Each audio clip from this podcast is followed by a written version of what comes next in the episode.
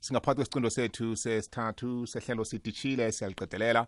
Ulesithathu-ke kithi ehlelweni sidishile lihlelo lebhizinisi. Lapha sithuthukisa khona abosomabhizinisi abasakhulako sibahlomisa ngelwazi.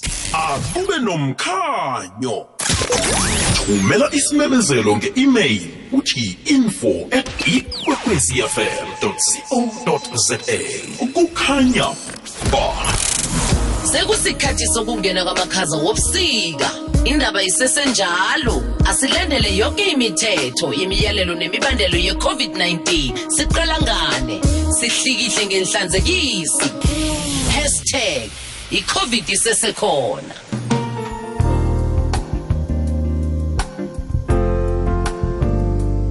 Kwamambala kunjalo i-covid isesekhona zitsheje mntwana ekhaya. Njengemhleni-ke ngikhambisana nothubana.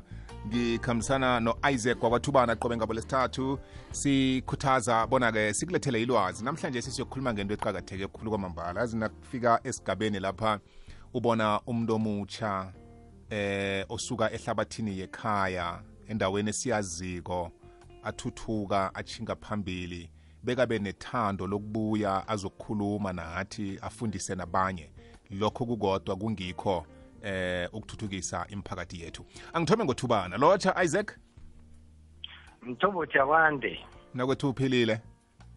Ngivuke kamnandi kunjani ngakuwe? Nami ngikhona.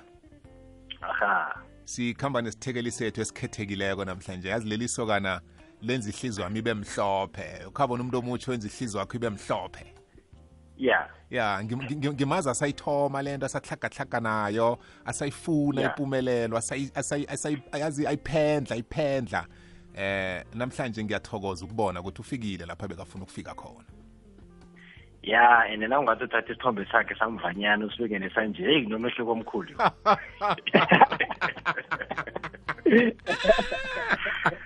Ngivumelana nawe mthombothi yi-growthing leyo uyangihlekisa yazi eh sonke sinjalo mani yazi ngiyacabanga ukuthi nongakuthatha isithombe seminyaka elithumi sakhe edlulileko ubeke nalesi namhlanje eh kunomehluko omkhulu. Ya impilo kumele ibe njalo kuhle kuhle. Ya asimamukele mani. Khalisa tshintsholo ngiyakwamukela mfana omdala yeche Eh, kwanda kwami siyathokoza um kungena ohlelweni thokoza kakhulu. Kwamambala kuthokoza mina. Eh awu- akutsho-ke thubana kuba yini sinotshintsholo namhlanje? Yazi lo msolo ngakhe ngakhuluma naye ngelinye lamahlelo ngemunye umnyaka. Heyi ya ya. Ya eh aba- a- abakhe bahlangana bayahlangana kodwa umhlaba mncane mthombothi. Mm. ya eh angithathe leli thuba ke lokho-ke baba umthombothi ngilotshise kamnandi hle ngilotshise isithikile sethu esikhamba naso namhlanje uCari- ucaritas okathi ntsholo ngilotshise kamnandi nabalalile nanyana kokuphi lapha bakhona. Um mthombothi namhlanje-ke nokho sithe akhe silethe le ndoda lena eyenza izinto zenzeka akhe silethe umuntu omutsha njengoba nasisekebisa inyanga yabantu abatsha namhlanje. Ukhumbule mthombothi bonyana ngujuni. Ya. Yeke-ke sithi thina akhe sicala abantu abatsha ebhizinisini ukuthi benzani ke sicala abantu abasebenzeni Mm. sakuhamba-ke namhlanje sathi akhe sikhulume nanase um indoda ekhethu ebuya ngale ngekangala konobhalahana ya. Eh sizokhuluma ngebhizinisi yakhe eh yekhula app. Ikhula app ke yibhizinisi evulela abantu abatsha eh namtjana i-app evulela abantu abatsha imarket Mm. namtjana amathuba abantu abasha barareke nembinatshi lemakhaya abantu abarasha barareke nama-orange nama-green papers abazi bonyana bawathengise kuphi Mm. kodwana ngingamkhulumeli asimlotshise samukele mthombothi ke kasitshele bonyana khuyini ikhula app le begodi yenzani ikhula app begodi ikhula app le mhlambe ke izobasiza njani namhlanje izobahelebha njani abantu abakhona le emakhaya aba- aba- aba- aba- abaku-agriculture eh abafama in a small business aba ne small scale. eh abanganayo imarket kwamambala. Sibeka nje umlaleli emkhanyweni ukuthi nasikhuluma nge-app mlaleli sikhuluma ngehlelo le-technology yanamhlanje engahle ifane ne-whatsapp yakho isebenzisako iyi-app ngokwayo efana ne- ne-facebook yakho nayo ku-cellphone iyi-app nayo ngokwayo. Nasikhuluma ngekhula app. Utshintsholo uzositshela bona sikhuluma ngani. Mr tshintsholo eh ikhula app mfana omdala em sihlathululela bona ithome njani? Namkha sithome ngawe nje ukuthi usuke kangala eh ukuphi-ke nje? Lethi kancane nje ukubeka umlaleli emkhanyweni. Okay. Ngiyathokoza ngiyathokoza mhathi. Um isindebele sami siyaqekaqeka but sasihlanganisa nesizulu. Um eh, ya igama ngucaritas ngikhulela enkangala eh, ma-white house section b. Um ngafunda e-comprehensive high school. Ngathi uma ngiceda ngayofunda university of cape town. Um the-actual science university of cape town. Yeah. Kwaba yilapho ngihlangana khona eh ne-business partner yami ngisebenzisana nayo eh i-business yethu yokuthoma siqale lapho e-ACT um then after lapho saqala ikhula mase simuva sesohlala ngapho ngase ngase-Joburg. Eh so ya ila ila ngibuya khona. But umsebenzi esiwenzayo ngikhula umsebenzi obalulekile kakhulu. Um umsebenzi obhekene nabalimi um umsebenzi onceda abantu abalimayo. um ngoba ziningi inkinga ababhekene nazo especially abalimi abasafufusa abalimi abasese eh abasesebancane abasa- abasa- abasaqala Yes. abasafuna ukwazi ukuthi kucalwa phi mangisuka la ngiyakuphi mangisuka la ngiyakuphi mangisuka la ngiyakuphi so kukhula asi- asi- si- eh, ikhula ikhampani bese kuba ne-input app bese kuba ne-fresh produce um eh, marketplace. I-input app inceda abalimi abasaqala ukuthi bakhona ukuxhumana namakhampani amakhulu athengisa izinto abazidingayo for amaplasi wabo. So izinto ezifana nabo-fertilizer izinto ezifana nama-seed amakhampani amakhulu uh, we have over 150 suppliers at the moment. Hmm. uh, ama-suppliers are international nama-suppliers are local. Sikwazi ukuthi sidelive into umlimi ayidingayo siyidelive eplasini yakhe nakayi-ode nge-app or siyidelive ku- kuma-distribution points wethu uh, asaphalele uh, throughout the throughout the country. And then nasekareh uh, umlimi loyo sikwazi ukuthi simchumalise eh indawo la angathengisa khona um lokhu asekakutshalile. Because nawufuna ukuthengisa uthengisela inkampani ezinkulu ezifana nama-retailers ezifana nabo eh ama- ama-supermarket uh, akusizi nanoma yimuphi umlimi okwazi ukuthi athengisele lezi nkampani. Bafuna ukuthi ube ne- ne- ne-global gap certification global local gap certification. But ukuze uzithole ingrezo udinga unyana uthole usizo eh ngama-input or indlela otshala ngayo um na nokuconnecta nama ya ne-technical ne-technical support usizo thola u-technical support eh elisezingeni eliphezulu. So sithathe lo sizo lolo lidingayo ukuthi ufike kule zinga la uzokhona ukusupply khona ama- amakhampani amakhulu and silifake kuyo le app le. I-free app i-available kuyo wonke ama ama-app store and ikhampani siyibize ngikhula ngamabomu ngoba si- sizimisela ukukhulisa abalimi kakhulu abalimi babantu babamnyama abasafufusa eh abasaqeda ukuqala abangazi ukuthi ngihlanganise ini nani kuze ngifike kuphi yabona? Yeah. so yinto esigcugcuzele leyo and company seyikhulile over the last three four years uh, we've been voted the number one app business app in the country Wow. um, one of the top 10 social enterprises in the world Wow. um, last year, Google chose us as one of the top top 10 um, startups on the continent, um, top startup in Johannesburg.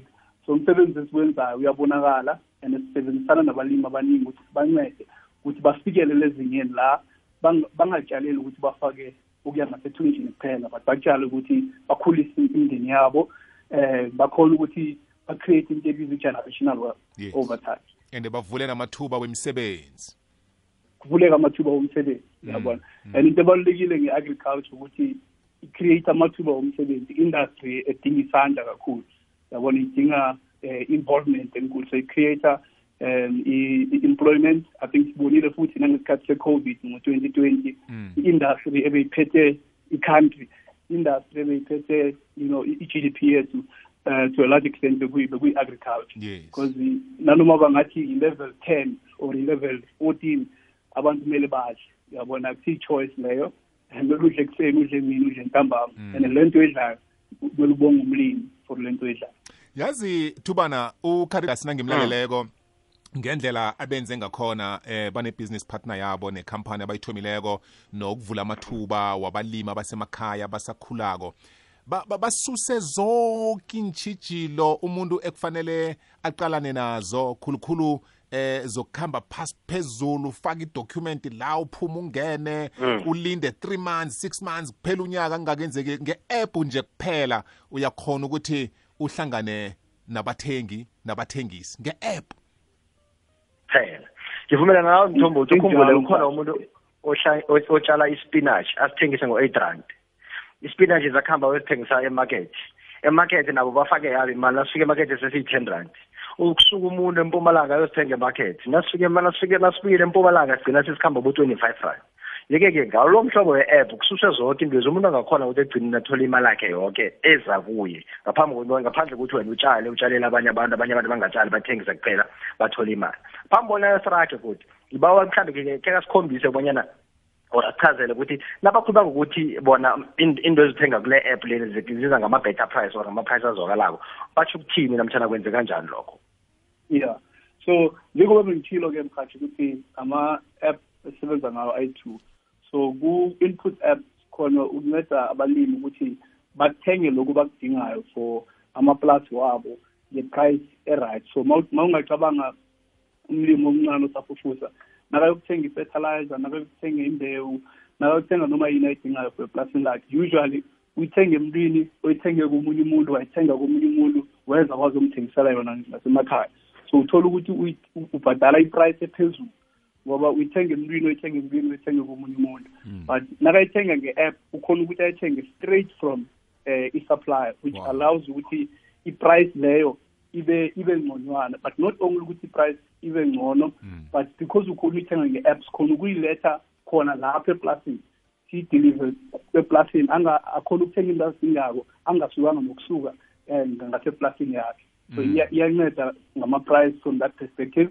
I-fresh produce marketplace yethu um sizoyikhipha kahle next year. Uh, but i-fresh produce market manje isentweni engathi ngathi ngathi i-pilot um kunaba kunaba nama-bulk buyer amakhulu esiberekisana nawo nabalimi esiberekisana nabo.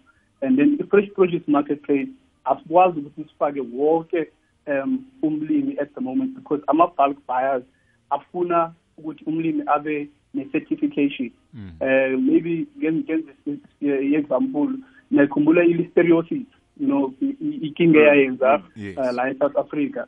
Because yenza ukuthi food safety is very important. Mm. so ama-bulk buyers amakhampani amakhulu awakwazi ukuthi athenge nabo noma ngubani. Funeka ukuthi umlimi abe ne-certification global gap or local. Abalimi abaningi abancane abazi ukuthi bayokuthoma kuphi ukuthi bathole i-certification leyo. That's why si-create i-input app ukuthi sikusize ufike endaweni la uzokwazi ukuthola i-certification leyo. Naso uyitholileko i-certification leyo then-ke ukwazi ukuthi uthengise kumakhampani amakhulu. And na uthengisa kumakhampani amakhulu kuba easy ukuthi umlimi eh athole izinto ezifana nabo-funding. Kuba easy ukuthi umlimi akhulise ibhizinisi lakhe because iba more sustainable than na umane uthengisela kubantu abadlulayo kuphela abanokudobhadobha ngeplasini so umbereke siwenzayo ukuncedisa abalimi abasathomayo ukuthi asiberekisane nawo sokuncedisa ukuthi uthole imfanelo i-certification leyo ngokuthenga izinto ezisuconnected ne-technical support oyidingayo.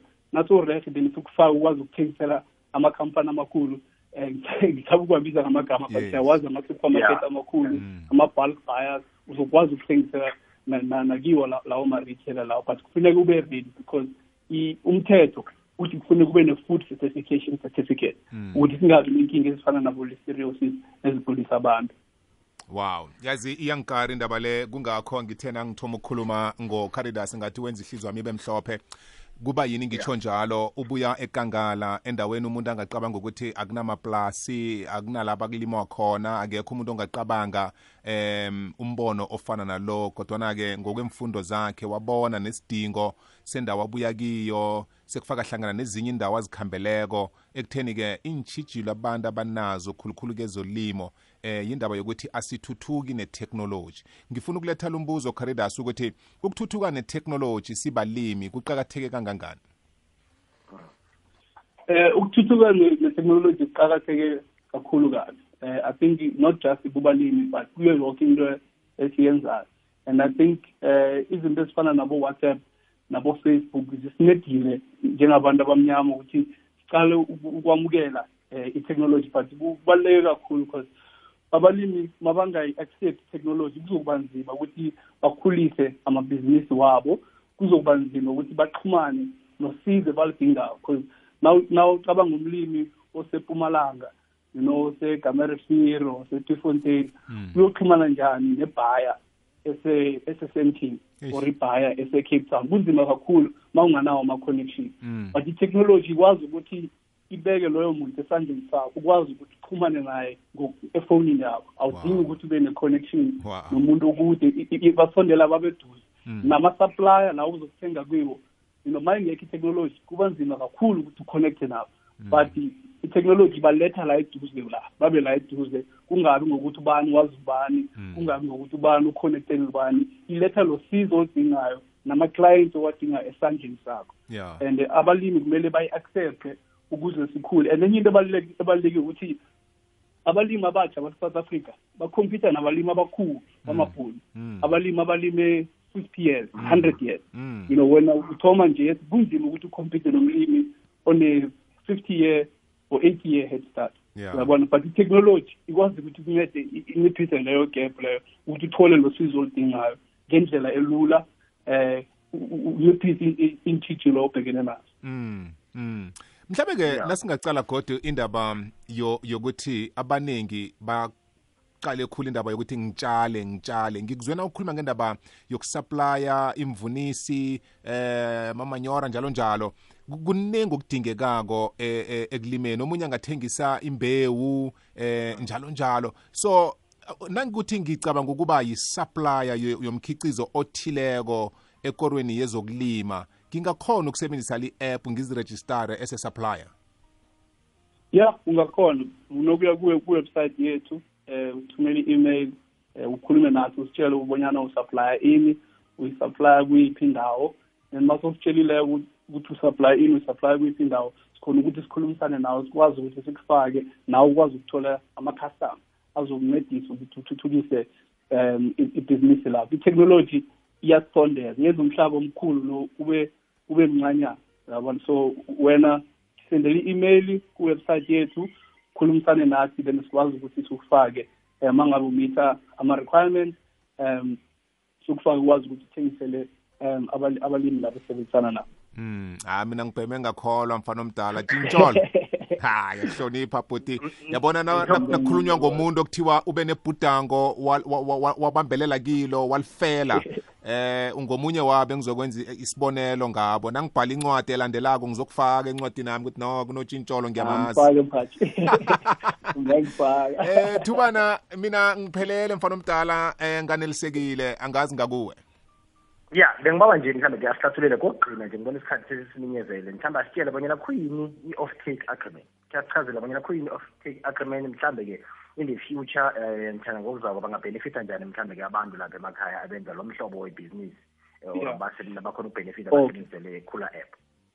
Okay. I-optic agreement into ebalulekile kakhulu uma ufuna ukuthuthukisa ibhizinisi lakho sezolimo. Eh enye inkinga ukuthi abalimi abakhe sebancane nabatshalayo basuke batshala bangazi ukuthi iyothengiswa kuphi le nto engiyitshalayo. Umuntu uyatshala ispinatshi ngoba kutshaliwe ispinatshi or utshale umroho or noma yini ngoba kuyinto etshalwayo angazi ukuthi iyothengwa kuphi. I-agreement leyo isivumelwano oba naso nebhaya whether i- i-retailer whether i-supermarket um n- noma yiphi ibhaya nizwa nayo ukuthi athi ngitshalele into ezingazi and then mina ngizosithatha nasezivuthiweko into lezo. So isivumelwano oba naso ne- ne- ne- ne- ne-client yakho upfront. Akutshele ukuthi ngibawa ngoba sengibonile ukuthi akwazi ukutshala ngibonile um iy'tshalo zakho zi- zi- zihle kakhulu.